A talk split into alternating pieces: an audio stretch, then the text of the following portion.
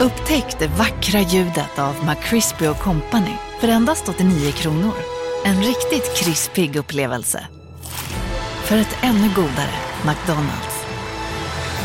Välkommen till Unionen. Jo, jag undrar hur många semesterdagar jag har som projektanställd och vad gör jag om jag inte får något semestertillägg? Påverkar det inkomstförsäkringen? För jag har blivit varslad, till skillnad från min kollega som ofta kör härskarteknik på möten och dessutom har högre lön trots samma tjänst. Vad gör jag nu? Okej, vi tar det från början. Jobbigt på jobbet. Som medlem i Unionen kan du alltid prata med våra rådgivare. Nu ska du få höra från butikscheferna i våra 200 varuhus i Norden. Samtidigt. Hej! Tack. Jo, för att med så många varuhus kan vi köpa kvalitetsvaror i jättevolymer. Det blir billigare så. Byggmax. Var smart. Handla billigt.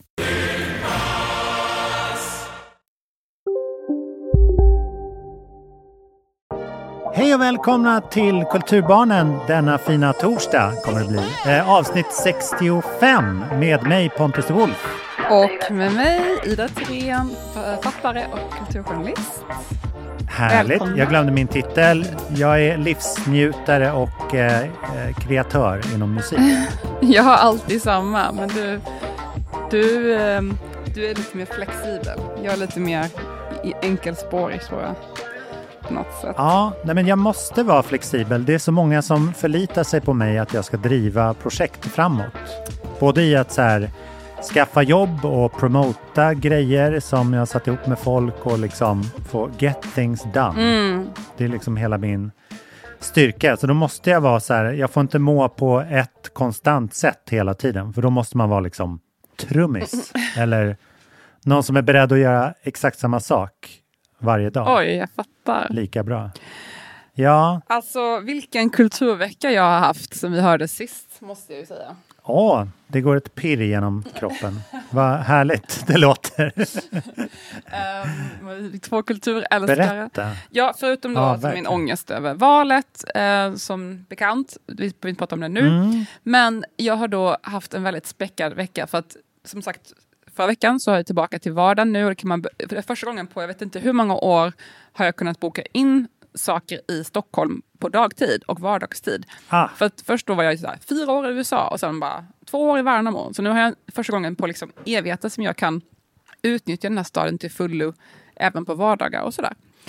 Och eh, min dotter är väldigt engagerad i klimatfrågor. Hon är nio år och väldigt engagerad. Och läser och Svensk SvD Junior och eh, ETC har en klimatsatsning för barn så hon läser på jättemycket. Och jag försöker typ hindra henne för det är för hemskt. För att hon blir för, för ledsen. Mm. Liksom. Men samtidigt så kan man inte stoppa henne från kunskapen ska hitta till sin rätta plats. nej. Eh, så att hennes idol då sedan flera år tillbaka, det här är alltså inte någonting som jag har pressat på henne, utan det här är verkligen, hon är en väldigt driven person. För de som har träffat henne så vet de att hon är väldigt driven.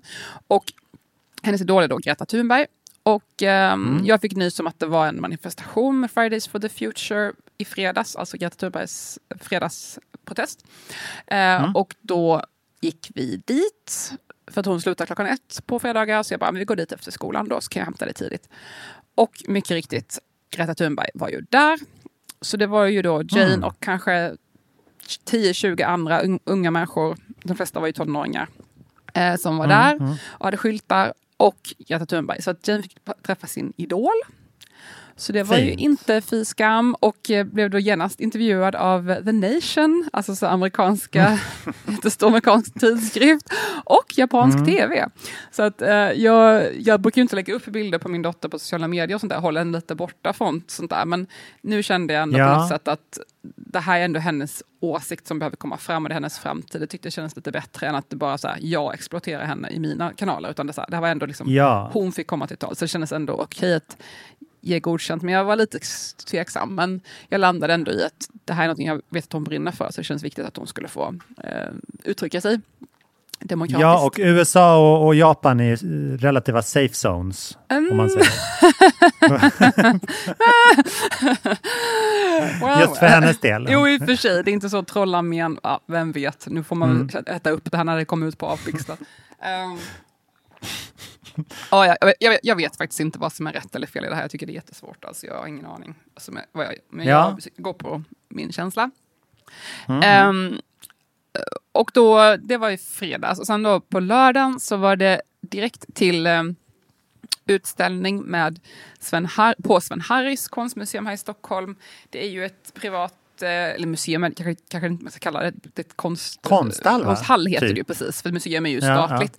Eh, Det är alltså privat, det är ju Sven Harris som, vad, vad, var, det, vad var det nu igen? Han Ja, Han är nog byggmästare. Bygg, Liksom. aha, okej. Då är det en utställning som jag tycker var fantastiskt bra och den pågår bara nu till helgen, alltså till valhelgen och den heter Solidaritet, nej förlåt, Humanitet heter den. Och den är Aha. kurerad av Paulina Sokolov som också är första namn till eh, Fi, partiet i kommunvalet. Men det, hon är också konst, framförallt är hon ju en konstprofil och konstvetare. Och hon höll i en så cur, curatorvisning av utställningen. Och, eh, så hon berättade om sitt arbete med utställningen. Det var väldigt kul att höra när hon själv berättade som hon gjort det här. Ehm, och Utställningen består av fyra svenska konstnärer. Vera Nilsson, Sven Exet Eriksson, Bror Hjort och Albin Albin Amelin. Och för uppmärksamma Oj. lyssnare här i podden så var jag ju faktiskt på Bror Hjorts eh, ateljé i Uppsala för någon månad sedan. Han har ju ett Ja. konst, man finns ju ett ateljémuseum där man kan besöka hans ateljé där allting är bevarat i Uppsala. Och det är ett Mm. fri entré, så det kan jag tipsa om om man har perfekt, för så en eftermiddag eller en timme eller besök. Liksom. Mm.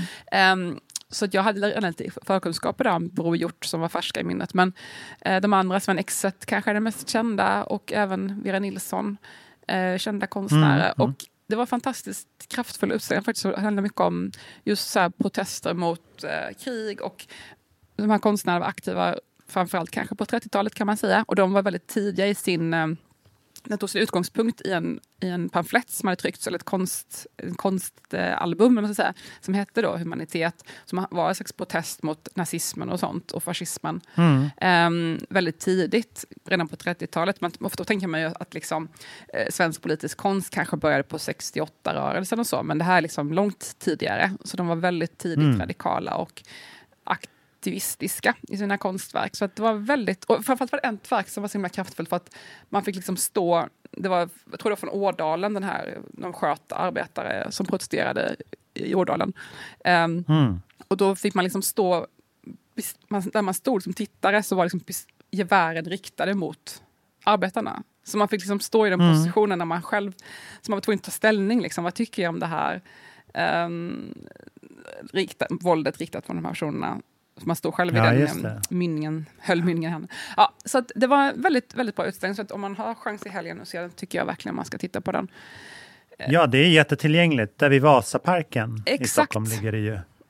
Och sen, Och, eh, ja. Ja. Men det är jättespännande för att de var ju ehm, väldigt, alltså han var ju väldigt inspirerad av här, tysk expressionism ja, 20-30-talet och det var i mångt och mycket eh, judisk konst. Alltså det som bannlystes sen av nazismen och sådär. Så det, man kan ju bara tänka sig att, att så här, ja, han var antinazist, men han var ju också väldigt existentiellt attackerad. Alla som sysslade med, med abstrakt konst på den vägen var ju så här, okej, det finns en rörelse här som vill förinta vår, vårt uttryck. Liksom. låter lite bekant Eh. idag till exempel. Ja.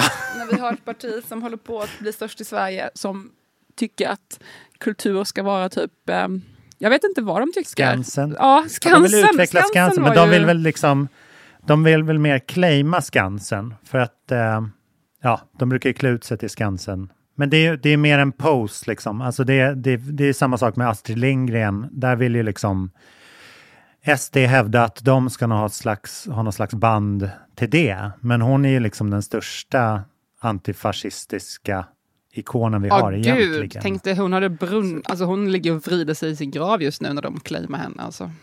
Exakt. Men hon står ju också för mycket utav liksom motståndskraften i, i eh, vår folksjäl. Så det är väl eh, det man hoppas ska stå emot. Pippi. Men de vill ju liksom lägga, ner, Ja. lägga ner Unga Klara och ta bort samers rättigheter och massa sånt där. Just Så det. Är ju, de har ju kultur, eh, en, en kulturvision får man ju kalla det. Eh, vi, Lite som på 30-talet som vi pratade om nyss då. och därför vill vi passa på att slå ett slag för nya utställningen på um, Unga Klara. Brinn heter den. Verkar fantastiskt bra. Eh, väldigt icke-SD-vänligt kan jag säga. Så den kan man tipsa om att kolla Ja, upp. Den ja. nya föreställningen av Farnas Arabi tror jag det var som har gjort. Känd person i teatervärlden. Um, Mm. Den här utställningen då, jag pushade lite hårt tror jag, för att jag hade bokat in en annan grej sedan länge tid tillbaka, eh, samma dag. Och det var lite mycket tror jag för min dotter, så jag fick äta upp det sen att det var för mycket på en gång. För det var också väldigt kul. Det var nämligen eh, Östersjöfestivalen på Berwaldhallen. Och det här är ju en å- årlig tillställning. Eh, Berwaldhallen är ju, en väldigt, är ju liksom Sveriges Radio tror jag tillhör. Um, lokal, eller det, förknippat med det i alla fall.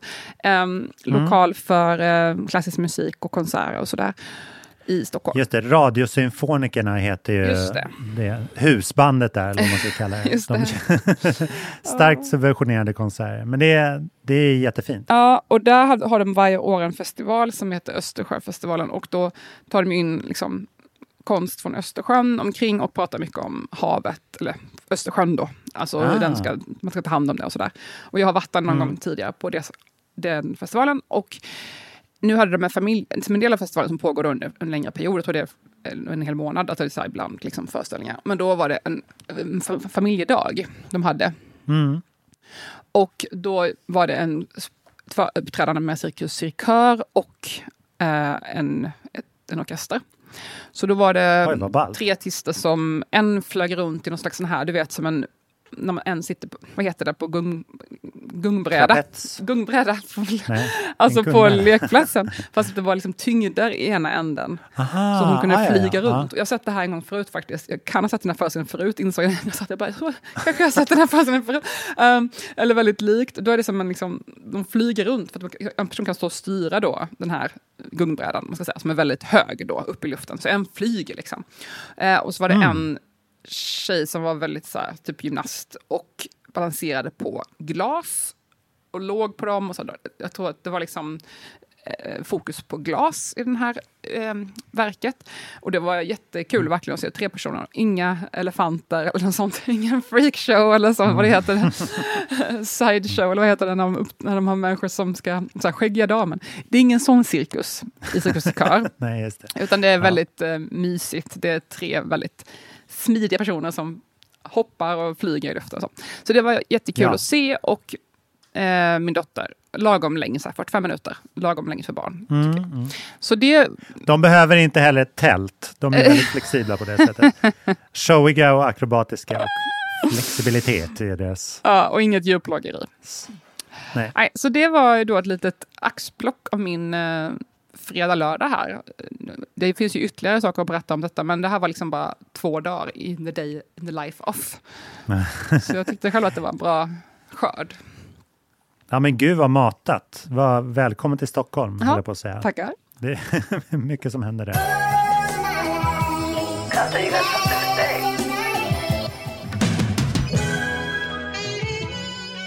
Vad har du funderat Eh. på i veckan då, Pontus? Ja, men jag tyckte det var så fascinerande att prata med dig om AI-konst förra veckan. Mm. Eh, vi pratade ju om eh, den här eh, tävlingen. Det var, vi berättade om den här personen som hade vunnit en tävling för digital, just det, en konsttävling för digital konst, men som hade gjort det via eh, AI-genererade bilder och slutgiltigt då ett AI-genererat konstverk. Ehm, så jag var tvungen att liksom läsa på lite om det här och eh, testa själv. Det finns ju en massa eh, appar och sånt där som man kan ladda ner och så sätter man in liksom en beskrivning eller en prompt som det, som det heter. Och så får, får liksom programmet eh, generera någonting. Till exempel eh, kvinna med bacon så blir det en liksom målning till synes med och så lägger den ihop det på något sätt. Eh, och jag testade det här som han hade kört som är någonting som heter Midjourney. Just det. Ehm, Mm. Som finns inne på Discord. Jag kände jag var tvungen att liksom reda ut begreppen här lite för mig själv. Och Discord var ju mycket, väl, mycket riktigt ett liksom eh, chattrum, eller vad man ska säga, fast liksom mer, mer avancerat än, än MSN var på, på vår tid. eh, det är lite, jag fattar inte riktigt skillnaden, men det är liksom uppbyggt av en massa privatserver så att man väl på något vis ska vara mindre övervakad och det håller sig ännu mera inom ämnen. Liksom. Så det är en slags sociala medier fast det är, man, man jobbar genom en massa, massa ämnen och chattar och ehm, skriver då sinsemellan, både ljud och Okej. rat. Mm, Används fattar. jättemycket inom, inom data-tv-spel såklart, som en liksom så här hubb, att man kan Just ha det. en massa dialoger liksom igång samtidigt. Mm. Ehm, och då, då kan man liksom programmera de här eh, individuella discordsen så att de fungerar som appar. Så i det här då så finns det en särskild Midjourney eh, Discord där, där man kan fylla i liksom så här, man, man skriver just plånbok med, med eh, bläckfisk och så blir det liksom en, en plånbok med åtta armar. Liksom. Ah, just. Eh, och, och sen så kommer det upp i en feed så att man ser vad folk sitter och genererar Aha. hela, hela, hela tiden. Ehm, det är ju lite skillnaden mot att man har liksom en app med ett filter i. Eh, att det här delas liksom konstant Aha, okej. med en massa andra användare. Ehm, men så jag var tvungen att testa då och ehm, märker ganska snabbt att så här, det finns regler som säger att så här, keep it tidy and nice, typ. Så man får inte inkludera så här, våld, mord, könsdelar, typ. Ehm, och då, med en gång så kom jag på att så här, ja men vad ska jag skriva då? Att man, man, man har liksom, det är dit, det är till skolbänken och så här skolklottret som, som hjärnan går först på något vis. När man vill bara testa så här, ja, men man vill bara testa så här, vad kan den här saken göra? Ja, och så okej. börjar jag testa liksom, eh, så börjar jag testa så här, Picasso med flygplan äter eh, pasta i Paris. Ehm, och då, med, då blir det liksom en siluett av ett flygplan och ett Eiffeltorn. Men jag hittade liksom inget så här, inget spår av pasta eller Picasso i det. Nähä, och så får jag testa igen och så blandar jag in liksom ja, The Joker som um, eh, Liza Minnelli och då blir det en jättebra Liza Minnelli Joker combo. Så att den är väldigt så här beroende på vad folk har lagt in liksom för information till den. Mhm. För det är det som är liksom det viktiga, att den, den kan ju inte, den har ju inte våran fantasi. Eh, och den kan inte gå ut liksom på internet och leta att så här, vad menar de egentligen när de skriver Picasso? Utan det måste liksom någon lägga in hundratusentals bild, så här Picasso eh, konstverk för att den ska liksom ha något att eh, ha någonting att generera. Så ganska fort så, så liksom hamnar man eh, liksom i, i, i mer så här avskilda territorier. Att man, man har inte den här fulla friheten som det kan verka när man liksom hör talas om det. Ehm, så att det ganska fort så börjar man gå in på liksom vad andra redan har gjort för att komma till någon slags här in- Aha, okej. resultat. Ehm, och ganska snabbt så blir det ganska tråkigt. Men jag måste säga att det, det liksom höjde respekten för den här vinnaren av den här tävlingen att kunna hålla i, hålla upp lågan så pass länge ändå. Att man får ihop liksom ett, ett konstverk som liksom ser ut på ett visst sätt. Eller så som man har tänkt sig. Eller som blir någonting som är så här, ja men det här kan representera mig, typ. Att det blir någonting som man är Ja, som är unikt nöjd för med. ditt liksom, ja, avtryck och inte bara så en generisk verk. Ja, men precis. Mm. Det- Då gick jag tillbaks till en intervju med den här vinnaren av tävlingen och, och han påpekar just det att jag har liksom suttit i en månad typ och försökt hitta kombinationer som så här, det här tillsammans med det, nej, där bröt det samman liksom. Där slutade det vara en, en ko- koherent, eller vad heter det, coherent sammanhållen bild. Eh, så att man, man får liksom bygga byggklossar försiktigt eh, och liksom pröva sig fram vad som funkar att göra en snygg bild. Alltså, det här påminner mig lite om, jag har suttit och fram och tillbaka med min redaktör på Svenska Dagbladet om en bokrecension jag har skrivit.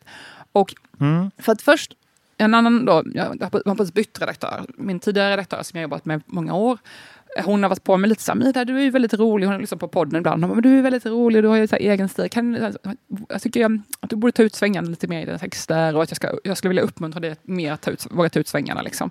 För när man skriver för sån här mm. prestigefull tidning, Svenska Dagbladet, då blir det att man ska, ska man vara mm. duktig liksom. Och bara så, nu skriver jag en duktig text och så blir det typ astråkig eller så helt blaha. Alltså, mm. lite som du säger, man kan göra en AI-variant. Den här boken handlar om det här och det här. Den skriver den här personen. Den kom till därför och därför. Mm. Alltså, det finns som en formel hur en bokrecension ska se ut. Precis som de texter finns det som en färdig eh, form för det. Alltså här, boken handlar om ja. det här, så här tyckte jag. Det här kunde blivit bättre. Alltså liksom, det finns liksom särskilda punkter. Och jag har säkert skrivit mm i alla fall 50 bokrecensioner i mina dagar, kanske 100. Så man vet ju liksom hur de ska vara upplagda. Och hon menar då att mm. jag ska ta ut svängarna mer, att det blir roligare. Och det är, liksom, det är ju egentligen min stil, mitt kännetecken är ju att jag har lite punkig, rolig stil. Rolig kanske vissa tycker, men vissa tycker kanske dålig. Men punkig stil kanske man kan komma överens om i alla fall, att man har lite så slängig. Mm. Eh, och sen folk tycker väl olika om det. Men Um, då är det lätt att man tappar den här karaktäristiska stilen. För jag menar, skulle man skulle verkligen kunna göra en AI-genererad bokrecension, typ. När man liksom ja. fyller i så här, här är ett citat ur texten, här är ungefär vad jag tyckte, lägg in några positiva verb eller adjektiv och så. Mm. Ja. Men då, så då blev det lite när vi började fila på den här texten, att ja, den blev ju väldigt duktig liksom. Alltså till slut var det ju bara mm. så här, ja, nu var det bara en vanlig ordentlig bokrecension. Och det insåg väl hon också, då, min nya redaktör som inte har gjort med mig förut. Att hon bara, aha, nej nu blev det ju rätt tråkig text typ. Alltså, ja. till och med hon insåg typ bara, aha, ja just det, nu var det inte så ja. kul längre. Det är så här jag måste jobba med Ja, men lite så. Jag bara, ja visst, jag kan skriva mm. en duktig text om du vill. Jag vet hur man gör. Det kanske, folk kanske inte fattar mm. det, att jag kan skriva ordentliga texter. Jag bara tycker det är roligare att skriva roliga texter. Alltså lite alltså, punkiga texter. Ja. Um, ja. Jag kan... Exakt, det är då det är roligt också. Men det är ju det som är kul för mig och för läsaren när man har lite mm. äh, typ. Då blir det ju roligare. Ja. Jag kan göra en jätteduktig text. Men för att jag gör det så sällan så tänker folk att jag inte kan det. Men det, jag vet hur man gör. Alltså jag kan göra en bra redaktörsjobb för någon annan också. Få fila till en bra mm. text. Jag tycker bara det är totalt ointressant. För då blir det ju det här AI-bot-känslan. Liksom.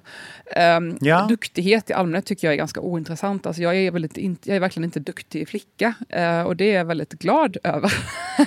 uh, kanske min mamma är inte lika glad för det, för att det är väldigt stökigt hemma hos mig. Men det kanske hade varit bra för mig att vara lite mer duktig. Jag kanske hade haft lite mer pengar om jag var duktig. Men jag tycker det är ganska ointressant jag hellre äh, mig själv. Liksom. Med allt, Aha. eller det som jag förknippar med mig själv.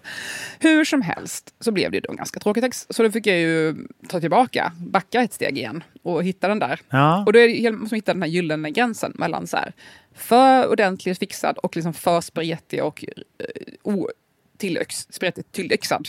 Mm. Um, Mm. Hur mycket sandpapper ska man ha? Ska man ha 60 eller 90 eller 120 i fin uh, mm. sandpapper? Um, så att vi fick landa någonstans i mitten då, från min lite rivigare text till hennes lite mer duktiga text. Och så någonstans i mitten. Och jag har märkt ja. det här generellt när jag jobbar med andra människor, att jag trivs, som jag sa tidigare på det, så blev jag väldigt god vän med en litteraturprofessor när jag var i Paris nu då vi goda vänner. Och hon Aha, var väl kanske... Ja, just det. Och hon kanske, mm. nu ska jag inte säga, men hon var väl lite mer så, hon är ju professor. Hon har ju lyckats ta sig dit. För att då måste man vara ganska mm. duktig. Eller man måste vara ganska ordentlig, tänker jag. Man kan inte vara liksom bara rock and roll, mm. typ. Då kommer man inte bli professor. Um, uh, Medan det kanske, jag vet inte, alltså jag tänker att det jag gör kanske inte är jag kanske inte hade varit där jag var nu om jag var så himla städad jämt. Och kanske inte, eller, jag kanske hade varit längre bort, så jag kanske hade varit redaktör eller chef eller någonting. Men, men ja. mitt, mitt kännetecken hade inte funnits där om jag hade varit um, för städad. Um, Mm. Men jag märker ofta, som när jag drev min litteraturtidskrift som jag hade i några år, Konst Literary Preview, för er som inte känner till den. Vi, hade, vi publicerade svensk samtidslitteratur i tryckt form i fem nummer. Um, mm. Och då gjorde jag det med en tjej som nu Maria Morsell som nu doktorerar i litteraturvetenskap. hon är också då lite mer städad, liksom, i och med att hon är doktorand så måste man ju vara lite mer ordning och mm. reda. Och hon tycker säkert det måste vara många, många som förstår vad man säger. Liksom. Exakt, Eller, exakt. Det måste finnas ett allmän... Ja. Eh, vad säger man? Ja. Mm. Jag, jag, vet inte hur man ska beskriva det, hur man ska säga det, men man måste ju vara mycket mer städad på något sätt. Liksom. Och hon tycker säkert att jag är mm. hopplös, vilket jag förstår i så fall. Men jag älskar henne och är tacksam att hon står ut med mig och mina äh, grejer. Men äh, det blev ju, tycker jag, en bra dynamik. I alla fall för min del. Mm. Kanske inte för någon annan inblandad. Men, men jag trivs väldigt bra i den dynamiken. Den dynamiken har jag märkt. Vad det jag tänkte säga. Att jag trivs att jobba med sådana människor som är så här, jag märker att jag kan väcka liv i dem. För att jag blir så här, ah, vi gör så här, Mm. typ, ah! och de bara, ah, just det, så kan man Eller ja, ja visst. Så här. Att de kanske skakas ur lite ur sin uh, lite mer ordnade tillvaro, för det kommer någon och kaosar till det lite. Och, och jag kanske behöver någon som är lite mer ordnad för att saker ska bli någonting. Ah. Um, samma sak när jag jobbar med redaktörer och sådär, förläggare. Att jag liksom, det funkar väldigt bra för min del i alla fall, kanske inte för dem, men jag tycker väldigt mycket om den dynamiken när jag får vara med någon som är... Och jag tror mycket på den här, jag komma till det, jag tror väldigt mycket på den här gyllene mittpunkten. Att man liksom, Ja. eh, det stökiga och det ordnade måste mötas. Alltså liksom en harmoni mellan det här lite eh, kaos och eh, slump. Ja, men lite som du och jag, du bara så här, nu måste vi spela in. Och hade det bara varit jag så hade Ja. jag inte gjort det. Liksom. Då hade jag bara inte dykt upp. Men för att du Mm. säger åt mig, nej nu är klockan två, nu ska vi spela in. Och jag bara, "Åh, okej jag måste avbryta mitt skrivande för att nu messar Pontus Olf för mig att jag måste spela in podden idag till exempel. Ehm, Han sa åt. han sa Ja. åt mig och jag satt där och skrev på ett kapitel, på min, redigerat kapitel. I alla fall, då tror jag väldigt mycket på att den kombinationen funkar väldigt kul. För blir det bara två så här jättestädade personer kan det bli ganska trist. Tycker jag i alla fall. Ja. Alltså, det är ju bara jag. Men, och två röriga personer blir det lätt det här gapiga "Äh!" som också finns en hel del poddar. Ingen nämnd, ingen glömd.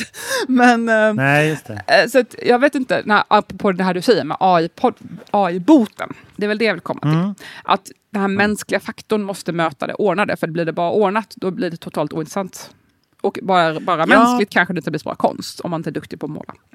Tack så mycket. Precis. Man, man kan ju inte liksom be AI välja ord själv i den här prompten, för då, då kanske det inte liksom berör oss överhuvudtaget. Ehm, om den bara ska liksom slumpa fram. Det var intressant, för jag, jag eh, åkte med min svärfar Ernst Billgren ut till eh, Millesgården där min fru hade releasefest precis efter vi hade spelat in förra veckan. Mm, just det. Eh, och, och han hade testat det här programmet också. Jaha. Och han, han sa just det, eller vi pratade om så här, vad i de här konstverken som man uppfattar som vackert. Att AI liksom har svårt Aha. att skapa någonting vackert ännu. Men då sa han, del, dels så pratade vi om att det finns ju, det är ju ganska matematiskt med så här gyllene snittet och Ja, det. komposition och sådär. Men att det, vår uppfattning av det vackra är just när liksom någonting en obalans möter balans. Liksom. Eller när någonting kaosigt eh, möter ordning. Eh, men sen också att vi, vi bedömer ju saker så extremt mycket efter affektion och ehm, kontext liksom för ett konstverk. Som vi var inne på förra veckan också. Han tog upp exempel att så här, en träbit som har tillhört eh, Jesu kors eller en bit av hans törnekrona är någonting som liksom är eh, en relik för hela mänskligheten. Men om vi bara tar en liksom träbit random från marken så är det bara en träbit. Som, och och likadant handlar det om ett liksom vackert konstverk. Att om vi inte vet vem upphovspersonen är eller, liksom, eller kan bygga en myt kring det så är det inte så många som berörs. Eh, utan då är det liksom bara, ja, jo men den är jättefin, men vad ska jag göra med den? Liksom. Och lite så kan det ju vara när man, när man så här, ja det är en dator som har gjort den här bilden. Typ.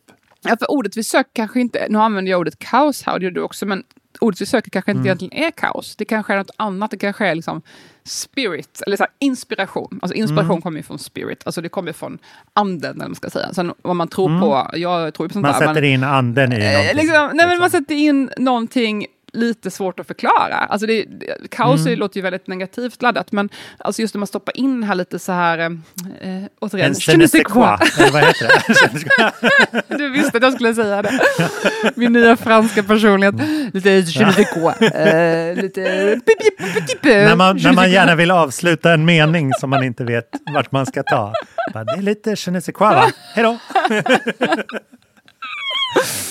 Jag vet inte om du kunde pulla det off riktigt Pontus, men vi, får jobba på det. Jobba på det. Eh, nej, ja, men, ja. ehm, nej, men man har den här lite eh, osäkerheten då, kan man väl kalla det, eller så universum. Mm. Alltså vad man nu vill kalla det. Det är just hela, hela grejen med det här är ju att vi inte har ett ord för det. Och det är ju, själv, det, är ju Mm. det i sig som gör att det är vi försöker hitta det här ordet kaos, gud, Mm, och ande. Alltså så här, alla de här orden är så begränsade för de är begränsade i mäns- människans sätt att förstå ord och världen. Hade, Ja. Men vi är ju så det är ju därför jag tycker det är intressant att prata om Gud, till exempel. För att hela idén med Gud är att vi kan ju inte ens föreställa oss Gud. Och det är därför till exempel, jag tror det är i, det är vid judendomen man inte ens skriver Gud, man skriver typ G-D. Alltså så att man, jag, jag, kan inte svära på att det här stämmer, men jag har, mm. i alla fall i vissa mm, falanger är det så. Um, mm. Att man liksom inte ens vill ta ordet i sin mun, för det, för det är för stort och det är för svårt att greppa och det är liksom någonting som vi inte ens kan så fort vi sätter ord på det så försvinner det. Liksom. Eh, ja. Så fort vi kan greppa någonting så tappar vi det i handen. Och det är väl lite det här som jag menar egentligen, snarare än kaos, så är det väl lite det här att man är i kontakt med det här lite. Hej, Synoptik här. Visste du att solens UV-strålar kan vara skadliga och åldra dina ögon i förtid? Kom in till oss så hjälper vi dig att hitta rätt solglasögon som skyddar dina ögon. Välkommen till Synoptik. Dåliga vibrationer är att skära av sig tummen i köket. Ja! Bra vibrationer är att du har en tumme till och kan scrolla vidare.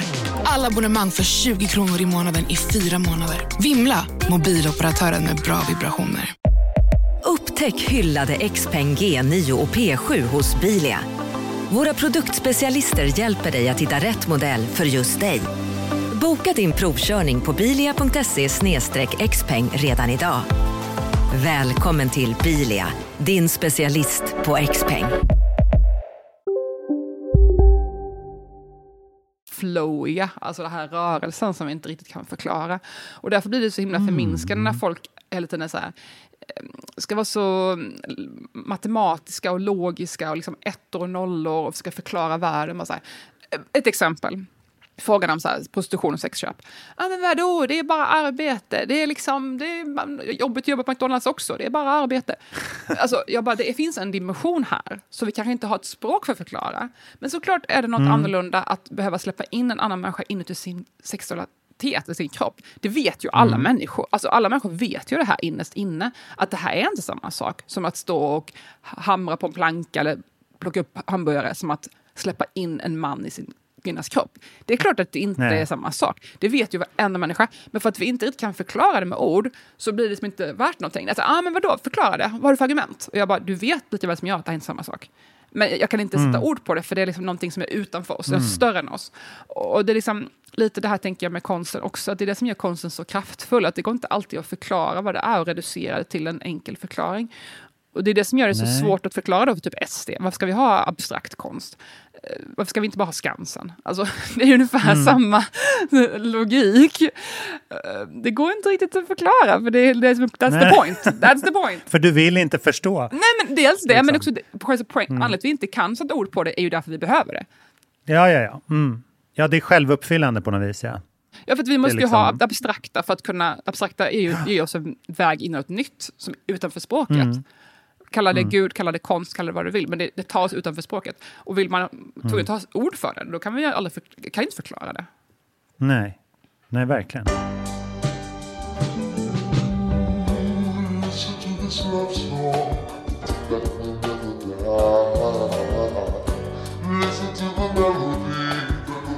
Ett sista ord om det här äh, AI-projektet då, ja. som jag gick igenom i veckan, är att jag, det slog mig också vilket fantastiskt redskap det här är för folk som kanske inte haft fysiska förutsättningar att uttrycka sig i bild.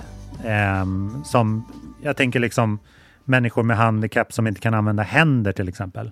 Mm. Att det här är ju ett fantastiskt redskap som man kan liksom skapa bilder som man känner är betydelsefulla på ett helt nytt sätt, liksom på ett verbalt sätt. Som en så här assistent typ i skapande. På det sättet är det ju jäkligt coolt. Alltså det är fantastiskt att kunna göra konst även om man inte har tillgång till alla kroppsdelar, om man ska säga. Ja, alltså, ja men verkligen. Och då har man ju det här som vi pratade om, den här liksom eh, personligheten bakom, eller att det finns liksom en, en, en människa att, att fästa det på, eller vad man ska säga. Mm själva, liksom, att det finns en kontext till konstverket som kanske är jättespännande. Man får väl se. Min farbror brukar alltid köpa så här, eh, förr i tiden kunde man köpa som små postmärken typ. Alltså inte brevmärken men typ små klistermärken man satte bredvid brevmärket på mm. post. Mm. Eh, från eh, ett förbund, jag minns, inte vad det heter, men det var folk som ritade med sina fötter typ. Alltså folk som inte hade armar, som Aha. gjorde, gjorde konst med fötterna. Det var som en så organisation. Så alla konstverken var ritade med fötterna. All right. Ja. Och då kostade det, gav det pengar till den? Man köpte de här liksom. klistermärkena då och så visade man support till den här organisationen. Ah, ja. Så det tänkte jag lite på apropå det här. Nu kanske, det har jag inte hört talas om det längre. Nu kanske alla har proteser. Jag vet inte hur det där funkar. Förlåt, jag känner mig väldigt okunnig. Jag ska inte uttala mig. Nej, men jag, jag tror det där har att göra med den här uh, neurosedyn-skandalen. ja, som, det kanske var kopplat alltså till för- det. Ja. jag, det, är, det är nämligen exakt 60 år sedan jag Jaha. läste om Okej. den. Ja. Eh, nej, men man, man gav ju någon slags eh, medel till, eh, till havande mödrar och, så, och så föddes en massa barn utan armar. Det är Mm. Just det. liksom en, en missbildning som, Var det sömnmedel mot, händer. Liksom. mot illamående? Ja, ja, mot Exakt. Mm. Och ehm, det- bara i Sverige så var det nästan 200 sådana barn. Så det var liksom en stor, stor, stor Ja, drabb, drabbande eh, katastrof. skandal. Ja, precis. Det är ordet. Ja. Ja, jo, men visst, absolut. Ja, men då gick det säkert till den organisationen, kan man Mm. då. Precis. Och jag tänkte på det, häromdagen så skulle jag rensa lite, fick jag ett ryck här och rensa lite i ett skåp som har legat där. Och det, jag har ju hittat Mm. allt möjligt i det där skåpet. Jag hittade kontanter. Jag, jag vet inte hur många gånger jag har hittat kontanter i det där skåpet. För det var olika faser. Så här, och jag har haft någon loppis någon gång, så här, lagt kontanter, eller fått företagspresent, lagt kontanter i något kuvert. Ja. Så jag har hittat kontanter flera gånger. Eh, jag fick skicka, skicka in till så här, riks man, så här bank, Riksbanken. Typ. så, man, så måste man förklara, för det, bara- kontanterna var ju inte funkade inte längre. Det var gamla hundralappar och sånt. Ah, det var ju liksom ja, ja. ganska mycket pengar, det var flera tusen kronor liksom, som jag hittade. Och jag bara så fick förklara exakt var jag fått pengarna ifrån så det inte var någon så här pengatvätt eller hit och dit. Men jag fick faktiskt Mm. godkänt, så det var väl legit. Och det var legit. Alltså det var typ företagspengar på min farfar eller någonting. Men i alla fall, eh, samlat flera år. Jag tror- fyllde 30, jag tror det var så mycket för jag fyllde 30. Typ. Alltså så. Men hittade jag ju så här 10 år senare. Och sen fick jag hitta otroligt mycket mynt. Alltså jag hittar mynt hela tiden och alla mynten är ju såklart för gamla. Men Ja, ja. jag hittade också tror det var två eller tre tusen kronor värt av frimärken i, som jag har köpt. Ehm, Åh. För jag har ju då drivit eh, barnboksförlag eh, under en fas i mitt liv. Jaha, Eh, Och jag insåg idag Perfekt. att jag har tre månaders beställningar som jag har glömt att ehm, svara på. Så att om ni har beställt barnbok av mig så ber jag om ursäkt, jag ska fixa det i veckan. barnen har vuxit upp, de behöver dem inte längre. Kan lätta ditt hjärta. Ja, men lite så. Jag fick in ett meddelande på Facebook av en stackars förälder som var så här, hej, förlåt jag stör dig, jag menar inte så här skriva privat, men jag beställde en bok för tre månader sedan och jag vill jättegärna ha den här boken. Det handlar om så här Mm. långtidsamning, typ. Han bara, vi har verkligen längtat efter den här boken. Jag bara undrar, så här, kan jag beställa den av dig eller vad händer? Jag bara, oh my god, förlåt, jag hade glömt Ah. kolla min så här, mail, alltså jag har en speciell mail för det där. Och jag glömt Mm, kolla mm. sen, sen typ i maj. Jag tror det var beställningar från april som jag inte hade sett. Så att eh, ja, Ja. det går bra nu. Men eh, jag har ju då mycket frimärken för jag har köpt in dem till mitt förlag så jag ska liksom skicka ut böcker.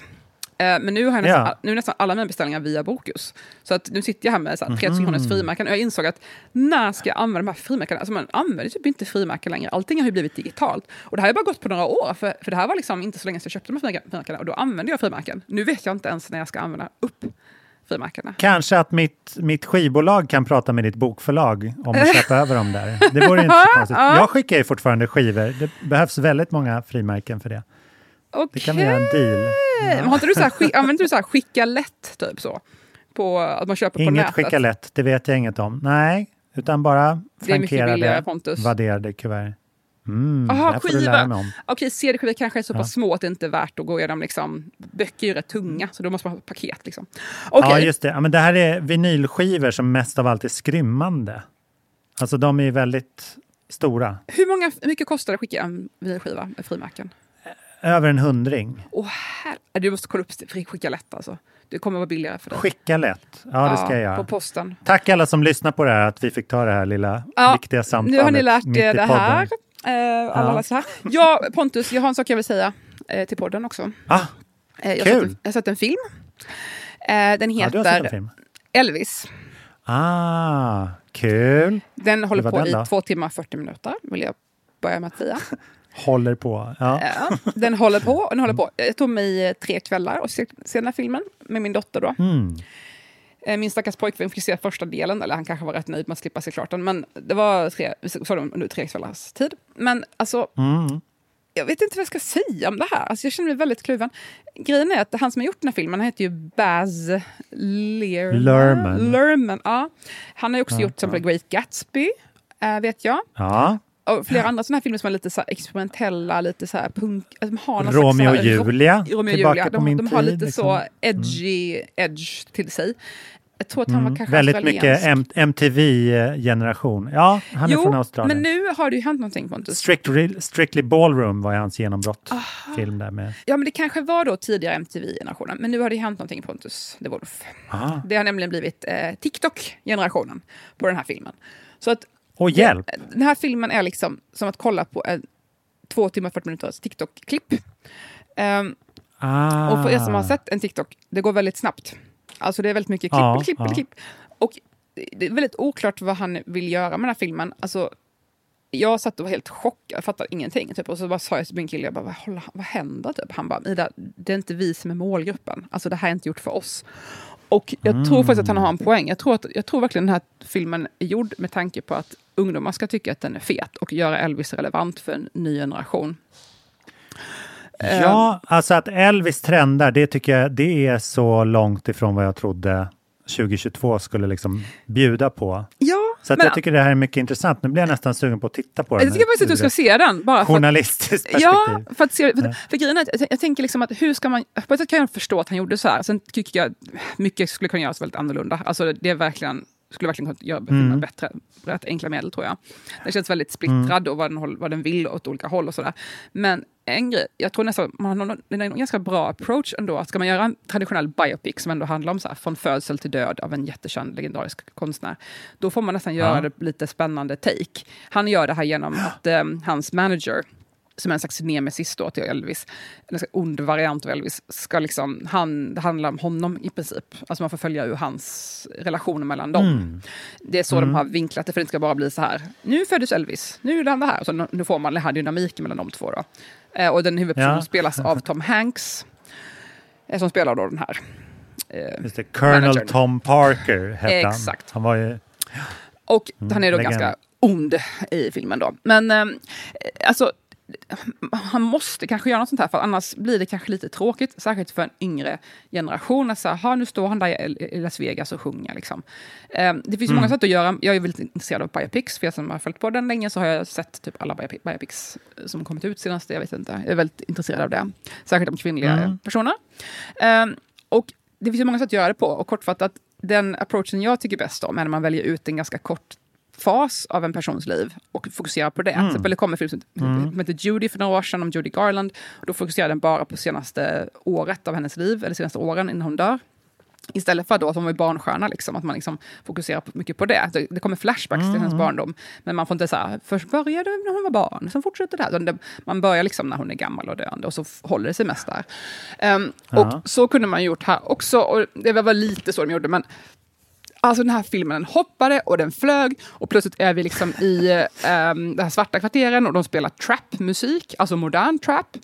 Ehm, Jaha, det är den experimentlustan vi pratar Jo, om. men det, dels det, Ja. men sen är det också absolut inte det. Alltså, de kunde gjort den hela Ja. vägen och kört liksom på den approachen, att man har så modern musik och gör det... För nu kändes det ju plötsligt aktuellt och modernt när vi är där i Harlem, eller vad han nu... Nej, det var inte, inte Harlem, men i svarta Mm. kvarteren. Så ser vi liksom Elvis gå runt där och han high-fivar alla de här kidsen seg- segregation era och det är jättemycket knas med Martin Luther King Mm. liksom, blir mördad och det är jättemycket rasism uttalat och han går runt där helt ensam vit man på svarta gatorna och high-fivar folk och de spelar trapmusik. Mm. Alltså, som en modern tittare får vi ju en relation till vad det här, vi får ju en bild av hur vi kan relatera Mm. till typ 8 Mile till exempel, jag tänkte på Eminem ganska mycket. Alltså Mm, den referensen till så här, Eminem, alltså vita rapparen som rör sig med de här Mm, mm. kvarteren. Liksom. Så det var lite den bilden man fick i huvudet. Det hade kunnat trycka på hårdare och gå hela vägen med den här modern, hur ska man få det här kännas modernt? Men sen hoppade till någon Ja. slags här jättemycket tivoli-referenser när man säger olika tivoli, du vet sån här uh, sideshow i tivoli och det är alltså eh, det är väldigt många olika vägar han försöker ta den här filmen. Alltså, jag, jag tycker han kunde ha valt en väg. Ja, ja, ja. Det är min lilla recension. Men med det sagt, tycker ändå att han lyckades. Mycket så här melodram, melodram, melodramatiskt. Till och med min dotter var så här, mm. åh vad de överdriver, åh vad, åh, vad mycket överdrivet mm. det här är mamma. När hon tycker det är nio år gammal, då känner man ju lite att okej. Okay. Um, men med det sagt tycker jag ändå att den var väldigt sevärd på något sätt. Så att jag tycker ändå du ska se den, för att den var, den var väldigt mycket inte, inte vad jag förväntade mig. Men det var just den här data, dataanimerade känslan. det var det jag skulle komma till. Ja, det ja. kändes mycket bot, mycket botar, mycket botar som att inblandade i det här, eller mycket AI inblandat i det här. Ja, nej men det där det är fascinerande och det, det jag tror verkligen, alltså den yngre publiken idag har ju ingen liksom relation till 50-talet som vi har. Alltså, mm. Det, det, går ju inte ens att tänka sig så långt tillbaks. Det blir ju som att vi liksom som att vi tänker före andra världskriget. Det är liksom fruktansvärd distans bara. Alltså om det ska slå igenom som en, om det ska få ett populärkulturellt genomslag sådär, så måste man väl blanda ihop det lite. Mm. Och sen nästan känna som att så Elvis finns nu. Um, men det låter jätteintressant, jag ska verkligen se den. Um, jag har också haft kul åt en sån här gammal ikon uh, nyligen, nämligen uh, Nalle Puh och hans vänner. Okej. Okay. det börjar med vi lyssnade ju mycket, alltså min son har ju, har ju kollat på flera Nalle Puh-filmer och sånt där. Eh, Disney äger ju den karaktären nu och eh, ah. har ju pumpat ut både serier och långfilmer som man kan se nu. Och i somras så lyssnade vi på eh, Allan Edwall-inspelningarna från eh, 70-80-talet av de här. Jag vet inte om du känner igen dem, men Allan Edwall var ju en, en ikonisk svensk skådespelare som eh, ja, bland annat gud, gjorde ja. Liksom, ja, ja, Emils pappa och, och startade eh, Brunnsgatan 4, Privatteatern och jobbade på Dramaten och Bergman och hej och hå, väldigt så här, fri skådespelare. Och han läste in de här och gör en väldigt personlig tolkning av eh, alla Nalle Puh-karaktärerna. På mm den tiden när man lånade kassettband med barnsagor på bibliotek och de lästes in av en inläsare. Det är verkligen inte stöpt i någon så här äh, internationell Nalle form utan det ges väldigt fria tyglar. Eh, de, de, finns alla tillgängliga på Spotify, kan jag mm -hmm. tipsa om, om man ja, gillar dem. De är alltså tips. Superfeta och det är ju eh, uppläsningar av själva böckerna, alltså A.A. Milne-böckerna, de som skrevs för, för länge, länge sedan i mm. England. Och apropå bara en kortis så är det, det är liksom det perfekta, um, det perfekta persongalleriet. Alltså varje person är så eh, extremt utmejslad liksom. Nasse är den rädda, Nalle är den korkade, Tiger är den ADHD och så vidare och så vidare. Och så bara reagerar de på varann med en så här brittisk salt underton på allting. Så att allt bara handlar om så här hitta honungen och ta en paus och äta. Det är liksom allas motivering. Och det begränsas och så berättas det genom liksom den här pojken Christopher Robins, hela hans liksom fantasi eh, omfång. Så att det, det händer inte så himla mycket. En, en liksom händelse på dagen det är att de går vilse runt ett träd. Liksom. Det är så långt. Det är ganska lagom, det är tycker jag, för små ja, barn. Men precis. Ja. Det är men motsatsen mot den här Elvis-filmen kan jag säga. Det händer väldigt mycket. Eller hur? Ja, men visuellt. håll i hatten. För att för några veckor sedan, hade, eller för någon vecka sedan, parallellt med det här så hade trailern, så, så utkom en trailer för en ny film som heter Blood and Honey ut. Okej. Okay. Eh, den kan du ju se. Eh, där, det är nämligen en, en filmatisering en nutida filmatisering av Nalle Puh och Nasse som eh, massmördare ute i en skog. Ah, perfekt. Eh, den börjar så här, för att det, det roliga är att nu har ju nämligen eh, rättigheterna till Nalle Puh gått ut. Så att han har ah. äntrat då public domain. Eh, okay. Vilket betyder att eh, när en viss tid har gått från att författaren är död eller att verket publicerades så går liksom publishingrättigheterna ut. Um, och i det här fallet så är det då, det är lite olika, olika för olika länder, men till exempel i USA så brukar det vara eh, 60 år efter att författaren dör mm. eller 95 år från att verket kom ut. Och så Okej. är det det som in, det, då är det det som inträffar först. Och nu är det 95 år sedan Nalle Puh kom ut för första gången. Så då är det så kallat... vi. Exakt, och det här liksom, det kommer ut en lista varje år på att så här, nu är det okej att göra vad man vill med de här Oj. verken. Eh, så till exempel så, blev, så, så gick tiden ut för alla Ernest Hemingway-böcker. Så nu är det så här fritt fram att publicera eh, Ernst, Ernest Hemingways verk. Så nu kommer vi se vilket massa filmer då med eh, honom. Ja, eller att man liksom gör en så här best of eller skriver om handlingen i någonting eller så gör om alla karaktärer till grisar eller vad man, vad man känner för. Liksom. Ehm, så att nu har man ju gjort den här skräckfilmen som börjar, trailern börjar med att så här, en kille som heter Kristoffer då, som kommer hem från ett så här, eh, gymnasielov tillsammans med en tjej och ska visa sin gamla skog som han brukade leka i som liten. Ehm, och så går han in dit, i- som är, då är Christopher Robin som återkommer till Sjumilaskogen. Och så hittar han alla de här liksom förfallna gamla träden och små husen som han byggde åt sina dockor. Liksom. Eh, och under den här tiden i den här filmen Blood and Honey så har så här eh, the, the animals have gone wild och de är så här Why did you abandon us Christopher Robin? Så de har liksom fått leva sitt eget liv där i skogen och gått och blivit liksom förvildade. Så de, och sen så mynnar det ut i någon slags scream-film, att det är de här, den här stora tjocka björnen och den lilla, det lilla vildsvinet går runt och mördar folk som åker på kollo, ungefär. Det blir en vanlig skräckfilm. Ehm, men men det, är väldigt, det är väldigt kul och, sen, och det, Disney är liksom inte glada för det här. För att även om det är tillåtet och Disney äger ju fortfarande liksom copyrighten för att göra sin version. Den här liksom söta och alla de historierna som tillhör liksom Disney-katalogen. Så, så är ju ändå liksom publicitet, publicitetpengarna som Disney langar i i den här liksom ikoniska karaktären, det studsar ju på de här som har gjort den här sk- indieskräckfilmen också. Så att den får ju enormt mycket uppmärksamhet av pengar som Disney investerar i varumärket Nalle Puh. Ah, okej. Så det blir en intressant så här, kickback som de inte kan skydda sig från.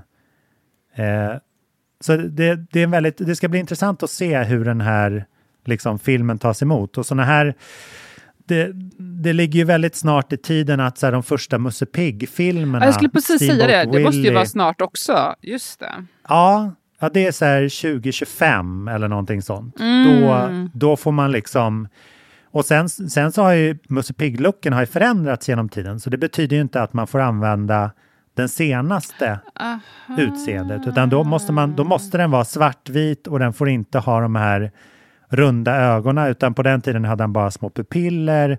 Så sånt där måste man vara väldigt noga med. Till exempel så har d- den andra boken om Nalle Puh kom ut fyra år senare och där introduceras bland annat Tigger, tigern och Nalle Puhs röda tröja. Så man får inte använda den röda tröjan förrän det, det har gått 95 år sedan den boken publicerades. Så man får liksom vara väldigt noggrann med vad man äger och icke. Men alltså, det är lite ironiskt för så här, Disney har gjort hela sin karriär på att använda gamla sagor, typ så Törnrosa, Snövit. Alltså de har ju bara snott Ja. massa gamla historier.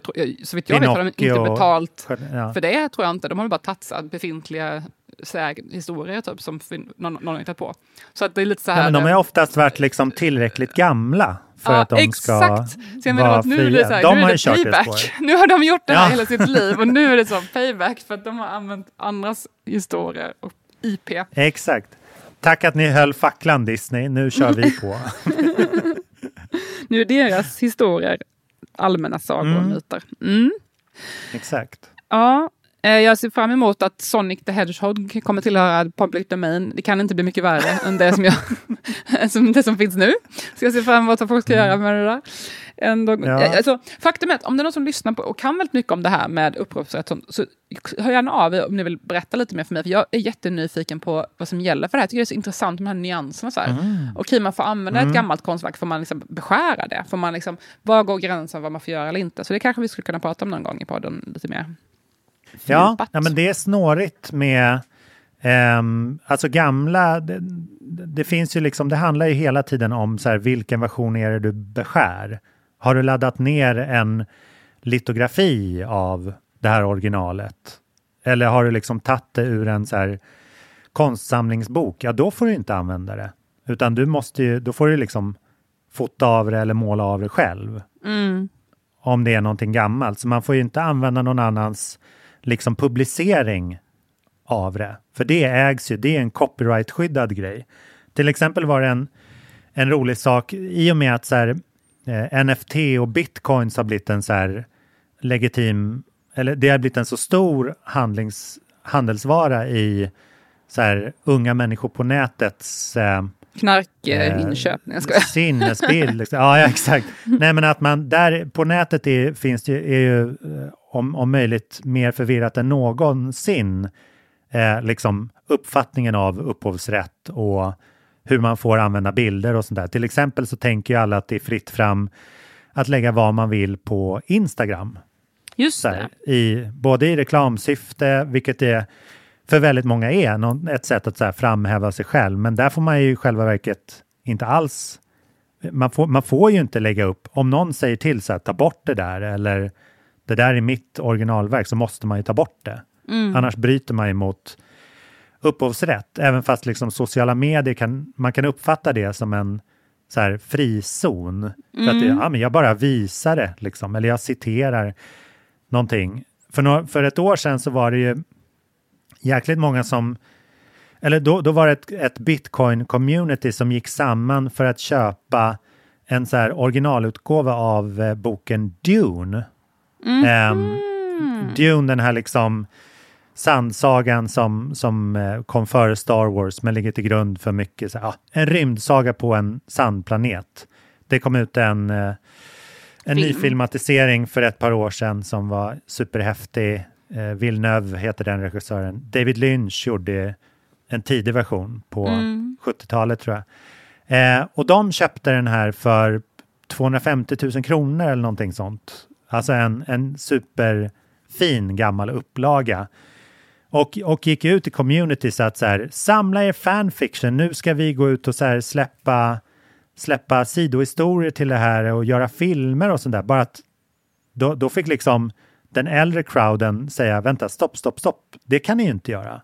Bara för att ni, alltså så här, originalutgåva betyder inte att ni får använda det, utan det är bara, så de, det är liksom, folk som växer upp nu kanske tror att så här, ja men jag köpte en bok, alltså får jag släppa böcker som handlar om den boken. Eller det finns en så här, det finns en slags moral som, och en etik som, som inte är, som folk inte är lika bra på att följa när man inte går den traditionella vägen genom så här journalisthögskola och Ja, exakt. eh, liksom litteraturvetenskap utan man går direkt på att bli youtuber eller influencer. Att det, man har inte gått igenom det här liksom överenskommelsen. Och då kan man ju råka skitdela ut. Men det var bara en, en snöplig historia på om hur man in, ett exempel på hur man inte ska göra. Ja, alltså, det tycker jag är viktigt att tänka på överhuvudtaget. Den pratar om utbildning och för att knyta ihop säcken över dagen. Den pratar om eh, olika krafter i politiken som vill påverka hur vi lär oss och ser på saker och sådär. Alltså, det är lätt att man tänker på, jag tycker ofta när man pratar om utbildning, särskilt i USA där det kostar pengar, så är det ofta en så instrument, instrumentell syn på det. Så här, Jaha, men man ska ju utbilda sig så man får ett jobb. Men det är ju inte det som är målet med utbildning. Målet med utbildning är ju att vi ska ha en befolkning som är kunnig och allmänbildad och insatt och kan ta informerade beslut. Vi har ju en demokrati så det kräver ju medborgare som ändå engagerar sig och, och förstår sig på vad det innebär att leva i en demokrati och vad det innebär att styra ett land. Och ju sämre utbildad befolkning man har, desto sämre funkar ju kanske demokratin. Eller kanske var lite väl hårdraget, men man riskerar ju Ja. att få en sämre fungerande demokrati för att det är ju svårare för människor att ta till sig kunskap om de inte har lärt sig hur man hur det fungerar helt enkelt. Eller eh, Ja. inte för att ha med sin intelligens, bara att man kanske inte har de verktygen eller den förkunskapen som man får till exempel genom att utbilda sig. Jag, är inte, jag har inte en examen i någonting, jag har pluggat på universitetet, men jag, inte att jag tror att så här, en examen är enda vägen att få allmänbildning, det tror jag inte alls. Men som du säger, man går ju Nej. med på någon slags allmän idé om så här, det här tycker vi är viktigt i vårt samhälle. Det, det är sånt man lär sig när man utbildar sig, i alla fall gymnasiet och förhoppningsvis på universitetet också då. Att Mm. det är ju inte för att man ska kunna få ett jobb som är det viktiga, det är ju för att man ska bli en, en Legitim. en kunnig, nej, men, in, ja men inte, nej, inte ens det, utan det är för man ska bli en, Mm. man vill ju ha en, en, djup, en djupare och rikare kunskap. Alltså man vill ha ett inre liv som är rikt. Ehm, Ja, det var, vilka fina slutord. Ja. Det vill jag med. så det tycker jag vi tar med då. Ja, Men det är sagt, vi blir ni om ni hämta- lyssnar på Kulturbarnen. Med det sagt, vi hörs nästa vecka och eh, tipsa gärna en kompis som tyckte, tycker om vår podcast. Och sätt gärna Ja, ett betyg någonstans. det. det. betyder mycket för oss. Mm. Ja, Pontus, tipsa en kompis. Uh, och sätt gärna betyg någonstans om ni vill, för det betyder mycket för oss. Och ni, vi hörs Mm. nästa vecka. Det gör vi. Ta hand om er. Hej då! Hej då!